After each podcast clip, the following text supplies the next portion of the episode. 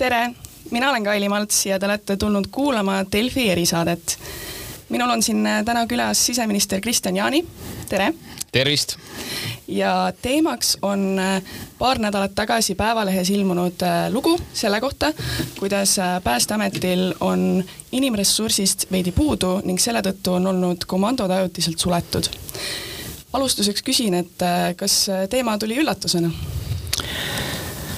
Loomulikult on kehva, kui mõni päästekomando kasvõi väga ajutiselt peab olema kinni, nii et äh, see ei ole ju midagi sellist, mida keegi nagu tahaks. Äh, paraku selliseid ootamatuid olukordi on äh, iga-aastaselt, nii et ta ei ole iseenesest üllatus, et sellises olukorras, kus mingi osa komando ressursist on puudu, siis tuleb näiteks üks komando ajutiselt kinni panna ja lihtsalt kahe lähedal asuva komando ressursid omavahel nii-öelda ühendada, et ikkagi selline elupäästevõimekus oleks äh, meil jätkuvalt olemas ja, ja noh, seda ma saan kinnitada küll, et äh, noh, isegi kui selline olukord meil tekib, et äh, selline üks komando ajutiselt kinni pannakse, siis kui me vaatame kogu Eesti nagu päästeressurssi, siis see on ju kaetud meil nii kutseliste kui ka siis vabatahtlike päästekomandodega ja jällegi, kui ma vabatahtlikest räägin, siis ma alati kasutan võimalust, et müts maha, et see on nagu väga kõva töö, mida meil vabatahtlikud päästevaldkonnas teevad. aga numbriliselt siis, et meil on seitsekümmend üheksa kutselist, kutselist äh, komandot pluss siis sada kuusteist vabatahtlikku äh, komandot. ja mitte ükski inimene Eestis ei jää kindlasti abita siis, kui mõni komando on ajutiselt kinni pandud mainisite korra, et äh, iga-aastane probleem, kui kaua selline asi on siis kestnud? noh, kui me võtame nüüd äh, aluseks selle, et äh, meil on tegelikult nagu äh, noh, põhimõtteliselt nagu sada päästjat puudu ja aina raskem on selliseid inimesi saada kas siis õppima ja peale õppimist äh, ka tööle. et äh, selle on ju välja toonud siin ka äh, Riigikontrolli audit mõni aasta tagasi, mis siis ütles, et nagu avalikku sektorisse ja ka siseturvalisuses aina raskem on saada inimesi tööle. et ja miks ei tule inimesed õppima tööle, siis me jõuame ringiga ka selle juurde, et meie päästjad ei ole piisavalt väärikalt tasustatud siis selle töö juures, mida nemad igapäevaselt teevad ja kui me veel korraks nagu vaatame seda, et kui palju neid või mis ulatuses siis äh, sellel aastal, näiteks esimesel poolaastal meil kutselised päästekomandod on nii-öelda ajutiselt siis mingi hetk äh, suletud olnud, siis äh, noh, võtame kõige suurema regiooni, Põhjaregiooni, siis siin on olnud neli päästekomandot. ja kui me vaatame nagu seda, et kui palju nagu oli planeeritud siis neid valvetunde ja kui palju sellest valvetunnist siis nii-öelda ei suudetud katta, siis see on null koma null kuus protsenti. nii et tegelikult nagu noh, suures vaates loomulikult loomulikult see ei ole hea, kui peab nagu komandot kinni hoidma, aga veel kord, et ükski inimene selle pärast kindlasti abita ei jää kuidas äh, plaanitakse seda olukorda lahendada või minnakse samamoodi edasi? No see on äh, paindlik lahendamine alati, et äh, kui on olukord, kus ühes kutselises komandos ei saa inimesed tööle tulla kui me võtame nüüd selle, kasvõi selle aasta perioodi ja vaatame, miks need komandod on kinni olnud, siis enamjaolt on põhjuseks olnud see, et äh, päästekomandod liikmed on pidanud olema siis äh, isolatsioonis, äh, lähtuvalt siis äh, Covidist, et on olnud kokkupuude Covidiga või on mõni meeskonnaliige olnud Covidisse nakatunud, on olnud ka kokkupuude meeskonna teiste liikmetega ja lihtsalt meeskond on pidanud olema eneseisolatsioonis ja seetõttu siis noh, ei ole ka alati võimalik nagu lõpmatusena võtta vabadust, vabadest vahetustest inimesi nagu tööle, sest ka nii-öelda noh, füüsiline piir tuleb lõpuks ette ja siis saabki teha ainult seda lahendust, et kahe komando ressurss omavahel lahendada. mis need need lahendused on, lahendused on ikkagi see, et nagu ma ütlesin, et päästjaid on puudu, päästjaid on vaja juurde ja et päästjaid tuleks juurde, siis kindlasti üks äh, variant on ka see, et äh, päästjate palk peab olema suurem. kas me täna oleme selles suunas liikumas, äh, mis on nii-öelda see suur visioon olnud, et kahekümne viiendaks aastaks peaks olema nii-öelda üks koma kaks keskmist palka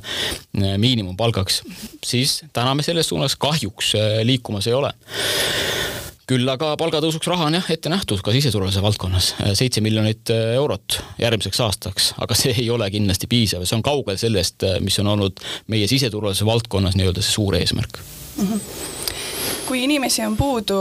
äh komandosi selle tõttu pannakse ajutiselt kinni ja tegelikult ei ole ka ressurssi, siis äh, kui juba suletud komandodega saab hakkama, siis miks mitte täielikult sulgeda need komandod, kus on inimesed mujale läinud? Ületunde ei saa lõpmatuseni äh, maksta, et me oleme ikkagi täna seadnud ka selle eesmärgi, et kui kiiresti me peame nagu inimestele appi jõudma Eestis. vabandust et äh, keskmiselt me jõuame Eesti inimesele appi seal üheksa minuti plussiga. Mm, ja, ja kui kuskil ja selle peale on ka arvestatud siis ressurss ja kus, kui kuskil on ressurssi puudu, siis me lõpuks hakkame nagu äh, järgi andma nii-öelda selles, kui kiiresti me jõuame inimestele appi ja selles ei tule, ei tohi nagu mitte kuidagi järele anda. ja täna me katame seda puuduolevat äh, ressurssi nagu ületunniga. ületundi ei ole võimalik ka lõpmatuseni teha. ja sellepärast saavad sellised lahendused olla ainult ajutised. et kui ma vaatan vaatan kasvõi seda, et kui suur on ületundide hulk olnud jällegi esimesel poolaastal näiteks, siis see ületundide hulk võrreldes eelmise aastaga on päris kõvasti ka tõusnud. et kui näiteks kahekümnendal aastal oli ületundide hulk äh, seal pisut üle üheksa tuhande neljasaja, siis sellel aastal on ta olnud juba neliteist tuhat nii-öelda tundide hulk. Mm, miks ta on olnud? jällegi Covid, äh, puhtalt Covid selles vaates nüüd küll, mitte nagu lisatöö Covid tegevuste pärast, vaid sellepärast, kui kuskil on meeskonnaliikmed olnud Covidi tõttu isolatsioonis, siis teised peavad nii-öelda vabade vahetuse arvelt nagu katma seda ja see on tulnud kõik ületundide arvelt. ületundi ei saa teha lõpmatuseni, see tapab inimesed ära. Aga just see, et töötajad ei saa teha ületunde, aga loo juures rõhutati väga seda, et see, kui mingi komando on kinni, ei tähenda, et see mõjutaks elupäästevõimekust. ja nüüd, kui me ei saa ületunde teha, siis äh, miks mitte üldse täiesti sulgeda üks komando, siis on, inimesed saavad äh, minna teistesse komandodesse tööle ja see elupäästevõimekus peaks teoorias ju säilima ei välista, et äh, pikas vaates ja tulevikus äh, ka see võib äh, nii-öelda tulla aktuaalselt teemasse, et, et, et kui suur see hulk siis tegelikult Eestis peaks olema, et kui palju meil on neid kutselisi päästekomandosid. täna on pääste, kutseliste päästekomandode hulk seitsekümmend üheksa ja nagu ma ütlesin, et see on täpselt see hulk koos siis tublide vabatahtlikega, kuidas me katame ära selle elupäästevõimekuse teatud ajahetkel. Mm, tulevikus noh, pigem mina nagu näeksin ikkagi seda, et äh, see päästjate hulk äh, noh, ütleme niimoodi, kui kõik päästjad oleksid täna reaalselt tööl eh, nii palju, kui neid ametikohti on nagu ette nähtud, siis oleks see olukord tegelikult väga hea. ja me ei saa nagu tulevikus liikuda ka nagu selles suunas, et eh, nii-öelda paneme kutselise kinni ja asemele paneme alati ja igale poole nagu vabatahtlikud, sest lõpmatuseni ei saa ka niipidi liikuda, sellepärast et vabatahtlikul päästekomandol ei ole seda elupäästevõimekust, see on olemas ainult eh, kutselisel päästekomandol. aga jällegi, ega kõik on muutumises, see, et tulevikus mm,, kas tulevikus on seitsekümmend kakskümmend üheksa kutselist päästekomandot, võib-olla ei ole, võib-olla lahendatakse seda teistmoodi, aga tänases strateegias on see täpselt sellise numbriga, nagu ma rääkinud olen. kas teie hinnangul saaks seda päästevõrgustikku ümber äh, kujundada? minu hinnangul saab alati alati absoluutselt kõiki asju ümber korraldada, et see ei ole kindlasti nagu probleem, aga alati tuleb püstitada küsimus, miks me seda teeme ja mis on see kasutegur. et äh, loomulikult saab ja tulebki äh, vaadata alati ümber, et äh, kuidas on meil paiknemine, kuidas on päästekomandod paigutatud, kuidas on vabatahtlikud paigutatud ja nii edasi, kõike on võimalik teha absoluutselt. mainisite Covidit, et selle tõttu komandosid on ka pidanud sulgema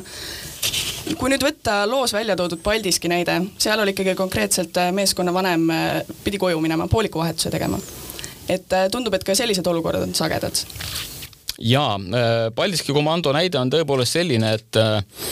kui meeskonnavanemat ei ole ja selles antud olukorras oli tõesti see, et see meeskonnavanem oli juba ikka väga palju nagu järjest tööd teinud ja ka seadus ei luba nii pikalt teha, siis meeskonnavanemat saab asendada ainult teine meeskonnavanem. et meeskonnavanemat ei saa asendada nii-öelda siis äh, päästeteenistuja, eks ole, et lihtsalt seal on väljaõpe on erinev äh,, staatus on erinev ja nii edasi, nii edasi, nii edasi. nii et tõepoolest äh, sellised olukorrad on veel eriti keerulised, et kus võib-olla nii-öelda päästeteenistujad on nagu äh, olemas, aga ei ole meeskonnavanemat ja meeskonnavanem peab alati olema iga igal juhul, äh, kui päästekomando sõidab välja. ja antud olukorras tõepoolest siis tuleb see pääste, meeskonna vanem leida kas teisest äh, mm, lähedal asuvast või kõrval komandost või siis tuleb vabast vahetusest keegi välja tuua, aga ka siin tekib alati, kuskil võib tekkida see piir ette miks, äh, kuidas selline olukord üldse tekkis, et meeskonnavanemal järsku ületunnid olid, miks ta pidi nii kaua tööl olema?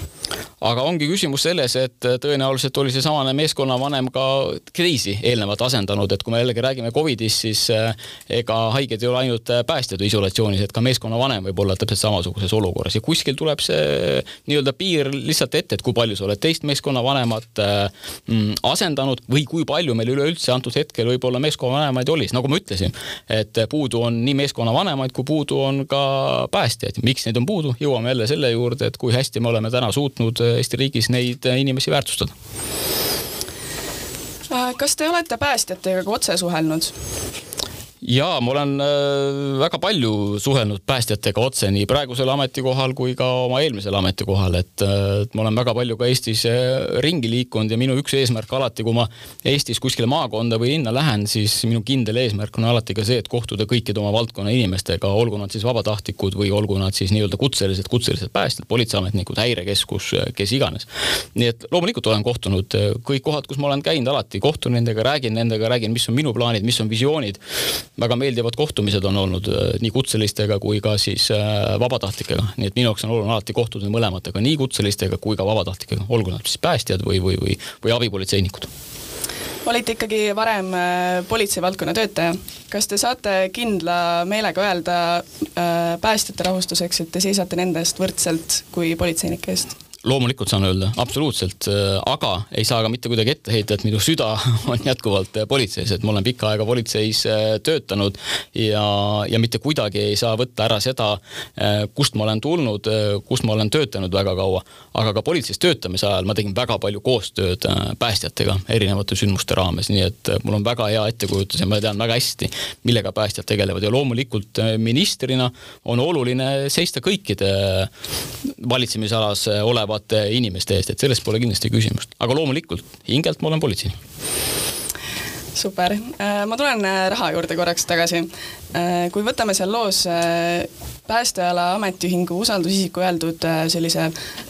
mõtiskluse, et võib-olla tuleks ümber hinnata Päästeameti sisene rahastus. kas seal tehakse kõike parimal võimalikul viisil?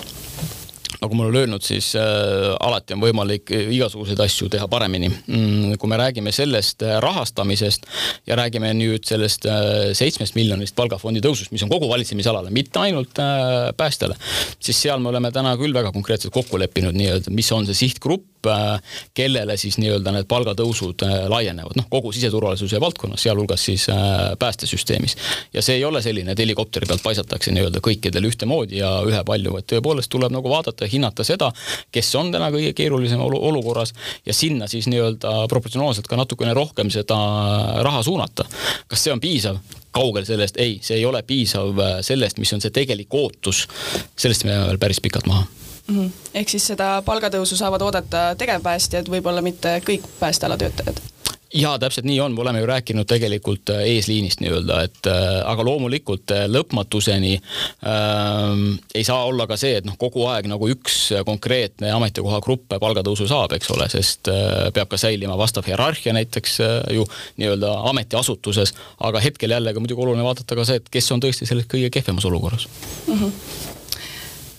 komandode sulgemisest veel, äh, kui koroona tõttu olid äh, komandod kinni, siis Päästeameti leheküljel on selletaoline pressiteade või siis uudis tehtud ainult ühe korra kohta ja kui ma õigesti mäletan, siis see oli Kohtla-Järve. miks teistest sulgemistest teada ei antud? Ma arvan, et inimese jaoks on ikkagi oluline see teadmine, et tema saab oma abi alati kätte. aga ma olen ka nõus selle koha pealt, et nii-öelda see avatud suhtlemine ja kui kuskil on sellest nagu teada antud, konkreetne näide siis eh, Kohtla-Järve kohta, siis eh, võiks olla muidugi süsteemsus, et kui ühes kohas antakse teada, siis võiks ju olla ta nii-öelda selline laiem võib-olla kommunikatsiooniplaan, on ju. aga veel kord, et eh, tõenäoliselt ka ükski inimene ei käi Päästeameti koduleheküljel vaatamas, kas minu päästekomando on avatud või on ta suletud, sest siiski valdava osa ajast on veel kord, on kõik komandod, eh, kutselised ja vabatahtlikud loomulikult avatud ja päästevõimekus kõikidele eestimaalastele eh, avatud. et siin on ka oluline see võib-olla, et eh, noh, ega päästekomando kui nagu betooni hulk ei ole see, mis päästab inimest, vaid ikkagi inimesed päästavad inimest ja see, kui nüüd see päästekomando kui selline on kinni, siis see ei tähenda seda, et